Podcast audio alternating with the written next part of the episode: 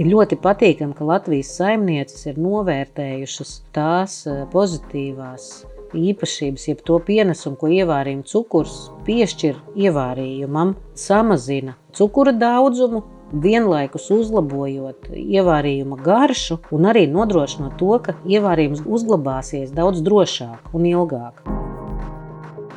Esiet sveicināti Latvijas mediju portāla LALV sadaļā Klausies! Mans vārds ir Armēns Ronis, un šis ir podkāsts, kas nozīmē raidījums internetā Salts no dabas. Te mēs runājam par cukuru, par šī ogļhidrāta praktisku pielietojumu, par dažādām viltībām un zināšanām saprātīgā cukura lietošanā. Podkāsts veidots sadarbībā ar Dansukeru. Šī ir īpaši praktiska podkāstu epizode vai sērija. Ja tā skan ērtāk, te mēs runājam par ievārījumu. Kā to gatavot, kā racionāli un pareizi izmantot dažādus pieejamus cukuru veidus, gan tā saucamo balto cukuru, gan īpašo ievārījumu cukuru, gan marmelādes cukuru, gan cukura sīrupu. Nu, ir šādas tādas lietas, ko labai saimniecei vai saimniekam vajadzētu zināt. Te tās ir. Es sarunājos ar Dansuker zīmola pārstāvi Ivetu Zariņu. Sveicināti, Iveta! Labdien! Cukurs un ievārījums, tas ir kā cimdiņš un rociņš kopā. Un man šķiet, ka tur nu, nu nevar būt pa vienam atsevišķi nost, ka, ka tām abām divām lietām ir jābūt vienopus. Jā, protams. Ievārījums bez cukura nepastāv. Un tad parādās jautājums, kāds cukurs? Tas droši vien atkarīgs no katra gaumes. Vai jūs vēlaties ievārījumu klasisku, ļoti saldu, tad izvēlēsieties balto cukuru un liksiet ievērījumā viens pret viens attiecībā, vai, ja vēlēsieties mūsdienīgāku ievārījumu ar mazāk cukura un vairāk dabiskas garšas, izvēlēsieties ievārījumu cukuru vai marmelādes vai slaido. Iepriekšējo sarunu mēs beidzām ar domu par to, ka ievārījumu var vārīt visu gadu, un tas ir vienam otram no klausītājiem esot skanējis diezgan ķecerīgi. Kā tad tā ievārījums taču ir jāvāra tad, kad ienākās svaigas ogas un svaigi augļi, un kā tad tu tagad rudenī vārīs ievārījumu? Ivet, kā? Vispirms ir jāēd svaigas ogas, cik vien ir iespēja, bet atlikušās ogas jāsaglabā ziemai, kaut vai burciņā, bet tikai ar vasaru ievārījuma sezona nebeidzās. Un mūsdienīgas saimnieces, es gribētu teikt, patiešām vāra ievārījumu visu gadu. Jo pirmkārt, ne visiem no mums ir plaši pagrabi, un daudz vietas, kur uzglabāt šos ievārījumus. Daudzi cilvēki mēdz eh, svaigas ogas likt saldētavā, un tad var ievārījumu gatavot jebkurā brīdī, uzvārīt vienu, divas burciņas, un tev ir svaigs ievārījums, tikko gatavots, smaržīgs. Tas ir viens iemesls, kāpēc vārīt visu gadu, un otrs ir tāds, ka mums ir tādi augļi un ogas, kas ienākās ziemā. Viņi varbūt neienākās mūsu platumgrādos, bet uh, apelsīni, mandarīni, citrus augļi augļi, kuru sezona ir tieši decembris, janvāris, februāris. Dienvidu zemēs, un tas ir īstais laiks, kad vārīt apelsīnu marmelādi vai, vai citus eksotiskos ievārījumus. Kāpēc nepamēģināt kaut ko maķinīt vairāk par raveniem, zemenēm un kaut ko tādu? Kāpēc nepamēģināt ērkšķogas ar apelsīniem, piemēram, bet par visu pēc kārtas? Pie tā mēs vēl beigās atgriezīsimies, ko ar ko tikai nevar savārīt kopā. Kas ir svarīgi visiem ievārījumiem? Kas ir tas, kas ievārījumu atšķira no, es nezinu, kaut kāda salda biezeņa. Ievārījumi ir dažādi. Ir ievārījums ar veselām ogām, kas ir varbūt tā kā ogas sīrupā. Tad ir um, ievārījums, kura struktūra ir uh, viendabīga, tāds kā džems vai marmelāde vai žēlēja, kas ir bieza sula. Protams, ka visos ievārījumos ir klātesošs cukurs un uh, un ogas. Mēs nu pat sadalījām ievārījumus ļoti glīti pa plauktiņiem. Tātad ievārījums, džems, želeja un augļu sīrupā. Jā.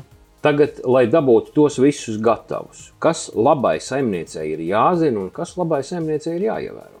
Es domāju, ka primāri ir divas lietas. Viens ir izēvielu kvalitāte, svaigas, nebojātas ogas un vai augļi. Vai augļi un tīrs, kvalitatīvs cukurs, un otra lieta ir higiēna. Tātad procedūras precizitāte, tīras, izmazgātas, sterilas burkas, nebojāti vāciņi. Varbūt nav obligāti jauni, bet ne, viņi nedrīkst būt bojāti, lai nelaistu cauri gaisu. tīrs ūdens obligāti, kas tiek izmantots gan burku mazgāšanā, gan ievārījumu vārīšanā. Tīrs katls. Tīrs katls, jā, protams, un, un temperatūras režīms burkām ir jābūt sterilām, izkarsētām, vismaz izplaucētām ar verdošu ūdeni vai cepškrāsnī izkarsētām, tāpat tās arī vāciņiem novārītiem un ievārījumu pildīšana burciņās verdošā stadijā. Un tad ievārījumā ir visas iespējas izdoties, pareizāk sakot, ļoti maz iespēju neizdoties. Iveta par ievārījumu un cukura attiecībām. Klasiskais viens pret vienu - kilograms cukura, kilograms ogu.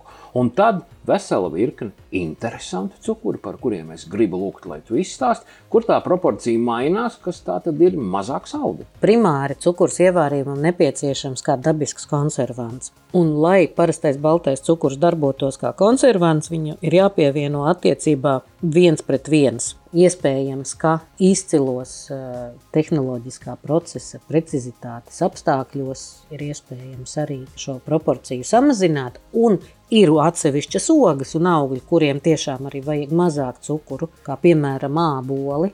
Jo tāpēc, ka tur ir pektīns ļoti daudz. Cukurs darbojās kā konservants, viņš piesaista ūdeni, samazina ūdens aktivitāti un neļauj mikrobiem augt un, un vairoties un bojāt ievārījumu. Salts no dabas viena no būtiskām Danskeru produktu sadaļām ir cukurs, kas ļauj samazināt cukura daudzumu. Jā. Man arī pašai šķiet šis ļoti simpātiski. Arī priecājos par to, ka Latvijas saimnieces ir pieņēmušas ievārījumu cukuru kā savu, un ievārījuma cukurs Latvijā ir patiešām ļoti populārs, un Latvija faktiski Ziemeļvalstu vidū ir izvirzījusies pirmajā trīniekā pēc ievārījuma cukuru izmantošanas kas ir ļoti cienījami. Tas nozīmē, ka ievārījums ir mūsu tradīcija. Jā, protams, protams, tas arī jāpasaka, ka ikgadējie pētījumi rāda, ka Latvijā ievārījumu gatavo 74% maisaimniecību. Trīs ceturdaļas maisaimniecību stāv pie plīts vīri un sievas. Jā, vīri, sievas, vienalga omīta, vecmāmiņa, kāds gatavo ievārījumus. Un ievārījums ir noteikti mūsu būtiska ikdienas dzīves saimniecības sastāvdaļa. Ir ļoti patīkami, ka Latvijas saimnieces ir novērtējušas tās eh, pozitīvās īpašības, jeb to pienesumu, ko ievārījuma cukurs piešķir ievārījumam, samazina cukura daudzumu, vienlaikus uzlabojot ievārījuma garšu un arī nodrošinot to, ka ievārījums uzglabāsies daudz drošāk un ilgāk.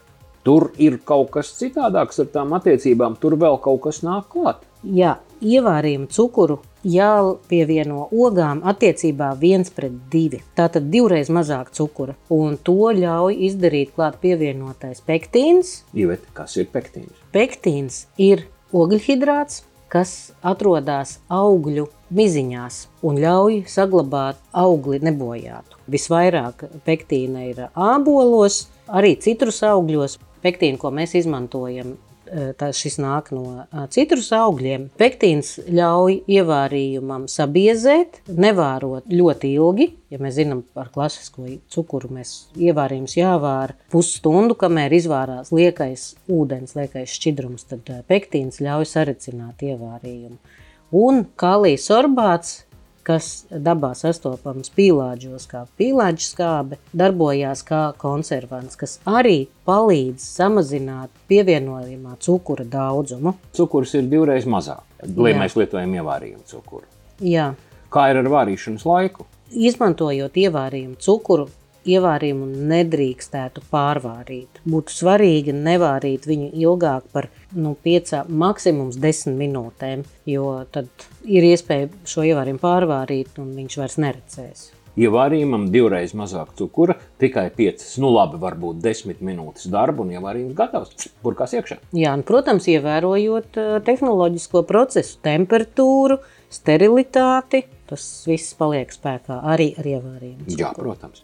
Kāpēc ar ievārījumu cukuru ievārījums ir drošāk glabājams? Tāpēc, ka viņam pievienots ir kālijas sorbāts un pektīns. cukuru vajag mazāk, ievārījums ir mazāk salds, bet uzglabāšanā viņš ir daudz drošāks un stabilāks. Ievārījuma cukurs dažādos veidos aprakstīts dažādos portālos. Cilvēki saka, transtaukskābes. Cilvēki saka, kālijas sorbāts, briesmas un šausmas. Lūdzu, izstāstiet, vai tiešām briesmas un šausmas? Nē, protams, nekādas briesmas un nekādas šausmas. Pirmkārt, kālijas sorbāts, kā jau es teicu, dabā sastopams kā pīlāģis skābe, ir, protams, konservants. Katram cilvēkam jāsaprot, ko viņš vēlas vairāk. Vai viņš vēlas divreiz vairāk cukura ievārījumā, vai viņš samierinās ar šo nelielo šķipsniņu Eh, kālijas sorbāta, kas ir konservants. Kālijas sorbāts ir indīgs? Nu, nē, tāds pārtikas eh, piedeva. Nekas, protams, no, tad par dabisks. ko cepiens? Nezinu, tas tev jājautā ir cilvēkiem, kas par to uztraucās, bet uh, svarīgi katram saprast, kas viņam ir svarīgāk. Ja viņam ir svarīgāk uh, salds klasisks ievārījums, tad viņš izvēlās balto cukuru. Tieši tik vienkārši. Ja cilvēks vēlas ietaupīt kalorijas, Ja viņš vēlās ieguvumus, kas nāk no ievārījuma cukura, viņš izvēlās to, rēķinoties ar to, ka tur ir patiešām mikroskopiska piedeva konservantu. Savukārt par, eh, par tauku piedevu ir tā, ka šī ievārījuma cukurā ir arī mazliet citronskābe, lai balansētu garšas. Un citronskābi nevar savādāk pievienot, kā tikai viņai apkārt ir tauku apvalciņš. Tie ir šie augu tauki, kas arī ir norādīti produkta sastāvā.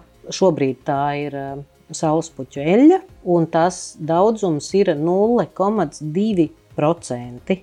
Tas ir piektā daļa no 1%. Tāds daudzums, ko nebūtu vērts pieminēt. Bet, nu, Viņš ir norādīts, lai cilvēki zinātu. Otra lieta, kas ir norādīta, ka šie ir pilnībā hidrogenēta eļļa, kas nozīmē, ka tajā nav transtaukskābes. Par transtaukskābēm mēs zinām, ka tās veidojās eh, tauku hidrogenēšanas procesā. Taukus hidrogenējot no cietās formas eh, šķidrā, taukskābes maina formu. Un, ja šis process netiek veikts līdz galam, augstskābes netiek hidrogenētas pilnībā, veidojās pa vidu transtaugskābes, kas ir ne šis, ne tas, ne cietas, ne šķidras. Un šī formā viņas ir kaitīgas. Tāpēc atbildīgi ražotāji izvēlās pilnībā hidrogenētus taukus izmantot. Protams, tā kā Dansuker ir Skandināvijas uzņēmums ar mājvietu Dānijā, nešaubīgi mēs izvēlamies tikai tos produktus, kas ir paši drošākie un paši kvalitatīvākie un pieņemamākie patērētājiem. Tāpēc arī ievārījuma cukurā tiek izmantotas eh, pilnībā hidrogenēti tauki. Pats galvenais ir, ka ar ievārījumu cukuru ievārījums ir jāvāra īsāku laiku, Tātad saglabājās vitamīni, viņš uzglabājās drošāk, kvalitāti nodrošina un ir mazāks kaloriju skaits, tad ievārījums ir e, dabiskāks un vairāk pašu ogu un augu garšas. Otrs faktors tas, ka mēs e, zinām, kā latvieši, kā zemes cilvēki, mēs esam diezgan tradicionāli, orientēti. Un tieši tāpēc man ir liels prieks, ka tieši ievārījuma cukurs kā jauns un inovatīvs produkts, kas piešķir ievārījumam daudz labāku kvalitāti, ir ticis pieņemts un uh, iecienīts un iemīļots produkts. Marmelādes cukurs.